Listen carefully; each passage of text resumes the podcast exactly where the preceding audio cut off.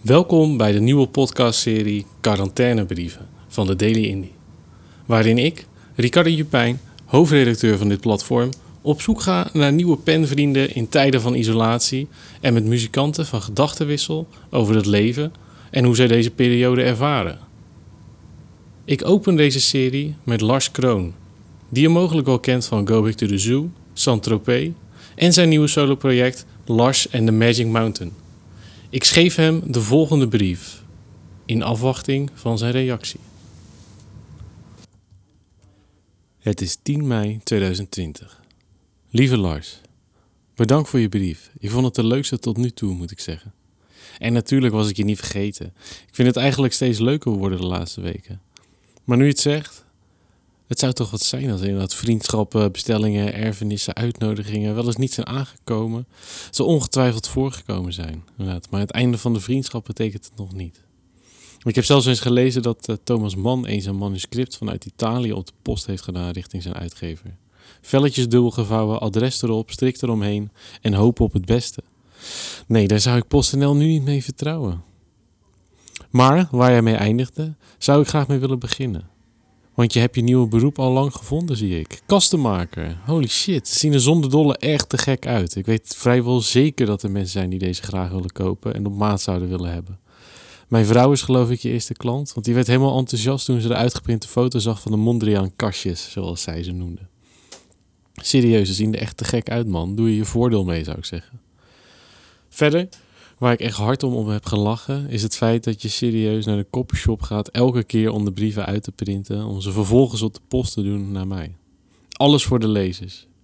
Wordt nog een dure hobby dit als je het op jaarbasis bekijkt. Zeker met die postzegels van 91 cent per stuk. Mijn god, wat een geld joh. Gelukkig vind ik het erg leuk om te doen. Maar je zou er na een tijdje gewoon een printer van kunnen kopen. Maar over tot de orde van de dag. Het is inderdaad een tijdje geleden sinds ik mijn laatste brief heb geschreven. Jij suggereert dat er natuurlijk veel gebeurd zou zijn in mijn leven, maar dat valt reuze mee om eerlijk te zijn. De dagen lijken inmiddels echt allemaal dezelfde. Opstaan, naar kantoor, waar wel wat te doen is, maar niet echt iets te doen is. Volgens naar huis, boekje lezen, eten, serietjes kijken, nog wat lezen en naar bed. Dat eigenlijk, iedere dag. Afgelopen week merkte ik dat het mij even overviel, dat eentonige. Maar ook het uitzichtloze en die anderhalve meter samenleving die in de lucht hangt. Gadverdamme, ik heb er zo weinig zin in. Ik was echt even op, moe, geprikkeld, lusteloos, energieloos. Inmiddels ben ik er wel een beetje achter hoe dat komt. Het heeft denk ik voornamelijk te maken dat in mijn situatie alles min of meer ingestort is, maar het wel nog allemaal gewoon doorloopt. Anderen hebben van de een op de andere dag helemaal niets meer te doen, echt niets. Alleen run ik een nieuwsplatform dat gewoon doorratelt en dat je ook niet meer, ja, niet zomaar stil kunt leggen. Althans, dat zit niet in mijn aard om de site plat te leggen. Dat is mijn leven. Alleen dat zorgt ervoor dat in principe alles maar doorloopt en er geen tijd is om even rustig na te denken. Over de situatie, over de toekomst, of juist om helemaal even nergens over na te denken. Nog steeds ontvang ik veel mails die ik zoals altijd allemaal probeer te beantwoorden. Er moeten ideeën blijven komen, teamleden die aangestuurd moeten worden, dingen online zetten, eindredactie, planningen, nieuwe muziek luisteren, schrijven, nou ja, noem het op. Het is alleen iets rustiger, maar verder lopen alle processen nog net zo hard door. Terwijl mijn inkomen praktisch tot nul is gedaald. Dat is nogal een verwarrende situatie, merk ik nu. Je kunt al stug door blijven gaan, maar tegelijkertijd moet ik wel aan een soort van toekomst gaan werken. Eentje waarin echt helemaal niets te voorzien is. Ik zou niet weten, net als iedereen, hoe het er ook maar ongeveer uit zal komen te zien over drie maanden, zes maanden, een jaar. Dat kwam even allemaal tegelijkertijd binnen, denk ik. Nadat ik al die weken lekker doorgeramd heb en dacht, yes, eindelijk tijd voor leuke projectjes die altijd nog bleven liggen. Maar goed, zo denk ik nog steeds ook wel. Hè. Ik vind het alleen zonde om bij de pakken neer te gaan zitten en niet met mijn tijd te doen en naar een platform plat te leggen. Of kansloos naar een of andere kansloze baan te gaan zoeken. Ik weet het gewoon even niet. Ik zit vast in een vreemd cirkeltje. Uiteindelijk kom ik er altijd wel weer uit. Dat weet ik tegelijkertijd ook. Maar ik vind het ook lastig om alles in te zien storten. De vooruitzichten zijn ook afgelopen weken weer niet beter op geworden voor de goede orde. Zo'n depressief persoon ben ik niet. En ik weet dat er iets uit zal komen dat de moeite waard is. Het is alleen nog één groot vraagteken. Dat vind ik normaal altijd wel spannend, want als ondernemer weet je nooit hoe het gaat lopen. Maar deze keer is het echt totaal anders. Enerzijds denk ik, ik hoop dat we weer zo snel mogelijk naar normaal kunnen. Anderzijds denk ik, Laat alles maar eens gewoon goed naar de kloten gaan. Alles kapot om opnieuw te beginnen. Waar we het al eerder over hadden. Er is gewoon veel scheef en er is veel verrot in de oude wereld. En misschien is het soms goed om te snoeien, de grond te verbranden, zodat het later weer extra mooi zal groenen, groeien en nieuwe smaken en kleuren uit de aarde omhoog zullen komen. We gaan beleven welke kant het op zal gaan. Ik voel mij in ieder geval flexibel in het geheel. Wat heb ik te verliezen? Ik kan altijd blijven schrijven. Ik ben gezond, ik ben jong en ik vind alweer een weg op een of andere manier. Ik geef niets om mijn huis, mijn spullen of mijn zekerheidjes. Laat de wind mij maar ergens naartoe waaien en ik vermaak me wel. Goed boeken bij, kom maar. Zo begon jij inderdaad over Schimmelpenning ook, de winkel. Onwijs zonde zeg dat die boekhandel ermee op gaat houden. Ik hoop echt dat er niet meer van die winkels het loodje gaan leggen de komende maanden. Misschien moeten wij anders een boekhandel starten. Lijkt me goud. Beetje ouwe hoeren, snuffelen in mooie boeken, advies geven aan andere literatuurliefhebbers, avondjes organiseren met allerlei hippe schrijvers, gezellige blog bijhouden, lekkere koffie zetten de hele dag. Zie je het voor je? Gelukkig kunnen we nog dromen in deze tijden. Of het over Kafka hebben, zoals jij deed in je laatste brief. Ik heb praktisch alles gelezen van hem, geloof ik. Behalve, je voelt hem al aankomen, het slot. zul je net zien natuurlijk. De beschrijving klinkt alweer heerlijk Kafkaesk. Ik houd echt ontzettend veel van zijn boeken. Ik voelde mij een beetje zoals een hoofdpersoon van hem inderdaad de afgelopen dagen. Alsof hij door een doolhof zonder uitgang lijkt te lopen. Dat is wel echt zo'n schrijf om jaloers te zijn. Al had ik maar een heel klein beetje van zijn talent mogen hebben, waar had ik het voor gedaan. Oh, dat vroeg ik me trouwens ook nog af. Heb je wel serieuze ambities gehad op het gebied van echt schrijven van verhalen? Of ben je daarmee bezig? Wel erg nieuwsgierig waar die verhalen dan over zouden gaan. Er zijn natuurlijk ongelooflijk veel mensen die heel veel werk in hun laadjes bewaren zonder het ooit uit te geven. Het zijn er echt veel. Wie weet jij ook wel. En over de aanstaande baby gesproken. Ik denk dat het inderdaad een beetje samen zal hangen hoe goed hij zal slapen. Het zal sowieso een prachtige tijd worden. Maar een beetje, een beetje nachtrust erbij kan ik me voorstellen dat het nog een stuk mooier wordt. Jullie zullen het vanzelf gaan beleven. In de tussentijd heb je nog precies genoeg tijd om een modieus mondkapje voor de baby te naaien. Of is dat nog niet nodig voor die kleintje? Ik heb weinig ongerepte natuurtips trouwens voor in de tussentijd. Zo vaak ben ik eigenlijk niet in de natuur. Als ik er dan ben, vind ik het heerlijk, maar het komt er nooit van of zo. En ik ben een stadsjongen en dat scheelt ook. Wel heb ik afgelopen week weer eens een natuurhuisje geboekt. Uiteraard op de Veluwe dus ook. Zo'n klein schattig huisje midden in de bossen, zonder iets of iemand in de buurt. En je kunt hem alleen huren als je het e-mailadres hebt van de beheerster. Zo'n plekje. Heerlijk. Ik ga er anderhalve weken heen. Ik zal eens kijken of ze ook een postadres hebben, want het is een ideale gelegenheid om lekker te schrijven natuurlijk. Verder heb ik vooral zin om echt geen fuck uit te voeren die anderhalve week. Helemaal niet. Mocht je ook eens behoefte aan hebben, dan moet je het maar laten weten. Het is in ieder geval een goed markertje voor alle reisjes die dit voorjaar niet doorgaan. Ook ik zou nu in het buitenland zitten en wel in Sevilla. En begin volgende maand naar Marokko. We zullen het maar met foutjes moeten doen, vrees ik. Nadat ik overigens die blokket had gehuurd, overviel mij het gevoel van voorpret. Iets dat uit een ver verleden lijkt te komen en wat volgens mij precies het gemis is in deze tijden. Er valt naar niets of heel weinig uit te kijken en dat doet kennelijk iets met je. Ik werd weer helemaal blij van de gedachten en enthousiast om weer iets in het vooruitzicht te hebben, iets om naartoe te leven. Ach, maakt toch niet uit dat we weinig over muziek schrijven verder.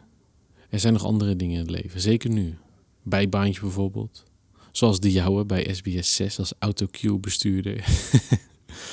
dat is inderdaad gewoon iemand zijn baan. Het is lastig om er een beeld bij te vormen, maar wel erg grappig. Bovendien vroeg je mij om mijn baantje chronologisch door te nemen van de afgelopen jaren. Daar gaan we dan, houd je vast. Mijn eerste bijbaantje was krantenbezorger. Een klassieker. Wel van het NRC uiteraard. Toen leefde ik al op stand. Ik gok dat ik een jaar of 15 was en dat heb ik nog wel even volgehouden op zich. Toen ik iedere dag met die kranten door de wijk scheurde, kon ik altijd lekker cd's luisteren op mijn Discman. En nog steeds kan ik mijn fiets overal dwars doorheen sturen. Geen obstakel dat mij tegenhoudt of ik piepen tussendoor.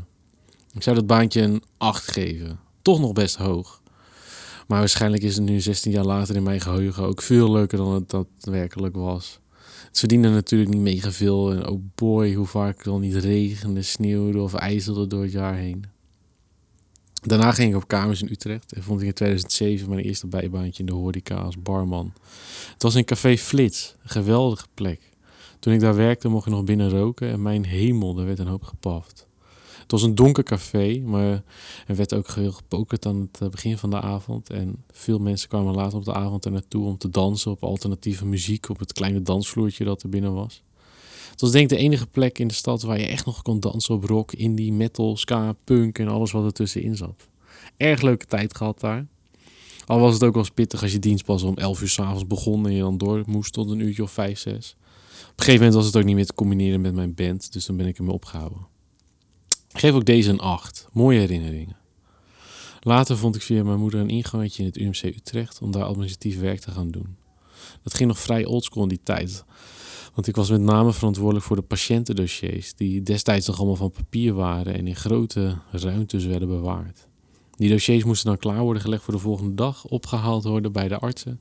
En uiteraard waren er behoorlijk wel dossiers altijd spoorloos of velletjes die erin zouden moeten zitten die spoorloos waren. En die moest ik dan op een of andere manier weer terug zien te vinden in het ziekenhuis.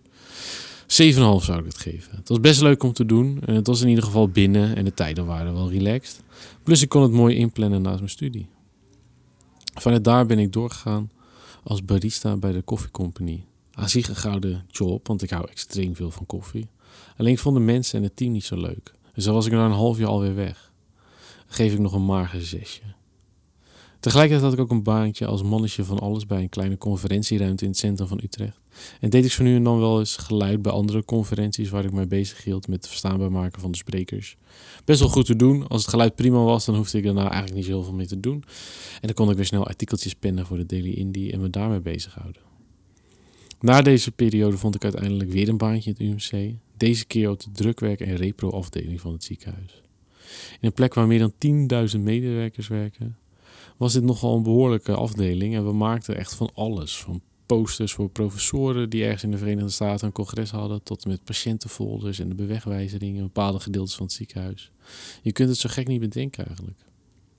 Uiteindelijk heb ik daar wel gelachen of zo.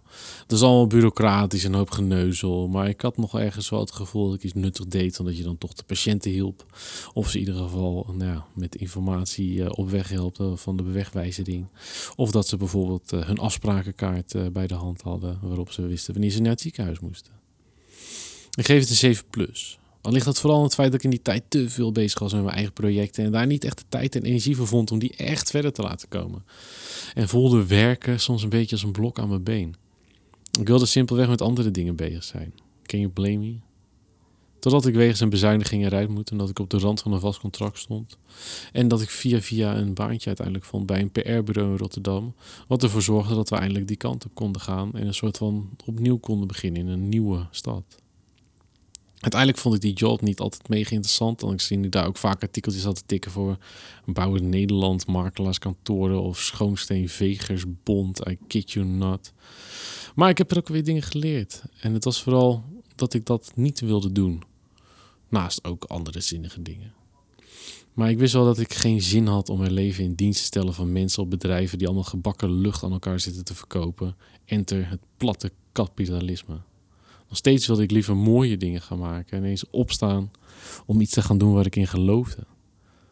Die doorbraak kwam eigenlijk pas toen ze daar ook al door hadden dat ik niet op mijn plek zat en ik binnen een jaar alweer weg was. Daardoor kwam ik voor de eerste keer in mijn leven in de WW en dat bleek precies het juiste moment te zijn. Eindelijk had ik na bijna 30 jaar weer eens de ruimte om gewoon na te denken. Of gewoon eens na te om überhaupt eens na te denken over wat ik wilde doen. Ik hoefde eventjes niet. Helemaal niets je hele fucking leven moet je altijd alleen maar van alles doen, doen, doen, doen, doen. En het gaf mij de tijd om na te denken hoe ik eindelijk eens een keer die stap kon maken om voor mezelf te beginnen en te gaan doen waar ik echt in geloofde. Zonder die paar maanden weet ik niet of dat überhaupt geluk zou zijn. Dus die bijbaan geef ik dan zeker een 9. Zeker dat UWV-gedeelte. Goed, de hele boel, slechts mijn verdienmodel dat ik toen verzonnen had, is nu ingestort door je weet wel. Maar ik heb mooie jaren gehad. Was good while it lasted. En er komt vast wel weer iets moois uit. Want in de laatste jaren heb ik pas echt kunnen laten zien aan mezelf en aan de rest van de wereld wat ik nou eigenlijk kan en wat mijn rol in deze gekke wereld nou eigenlijk een beetje is. In de jaren heb ik mezelf denk ik wel gevonden en daarom voelt het ook weer als een tijd om te gaan. Ik ben al nogal snel verveeld of ik ben altijd op zoek naar nieuwe uitdagingen. Het is net hoe je het ziet. Ergens had ik mijn hoogtepunt misschien ook wel bereikt met hoe het ging. Dus het is een ideaal moment om verder te gaan, dingen weer eens te vernieuwen. Jammer dat het zo moest gaan, dat dan weer wel. En gezien al die baantjes en al die gekke tijden die ik heb overleefd, heb ik wel weer het vertrouwen dat nou goed zal gaan. Wat moet je dan? Ja, het leven kan raar lopen, Lars. Het is al een behoorlijke rit geweest en ergens heb ik het gevoel dat ik pas net begonnen ben. Waarschijnlijk duurt het tot het moment dat het ineens allemaal over is. Zolang we maar het beste van hebben gemaakt. Afsluitend voor vandaag, in wat mijn langste brief tot nu toe is, nog twee vragen waar je je hersens op kan laten kraken de komende week. Wat is je meest dierbare voorwerp? En wat is jouw motto? Dat was hem weer voor deze keer. Veel plezier de komende week met alles wat je gaat doen. En we spreken elkaar hopelijk snel weer. Liefs, Ricardo. PS. Wat spook je allemaal uit met die verrekijker dan? Heb je nog iets bijzonders, spannends mee gezien?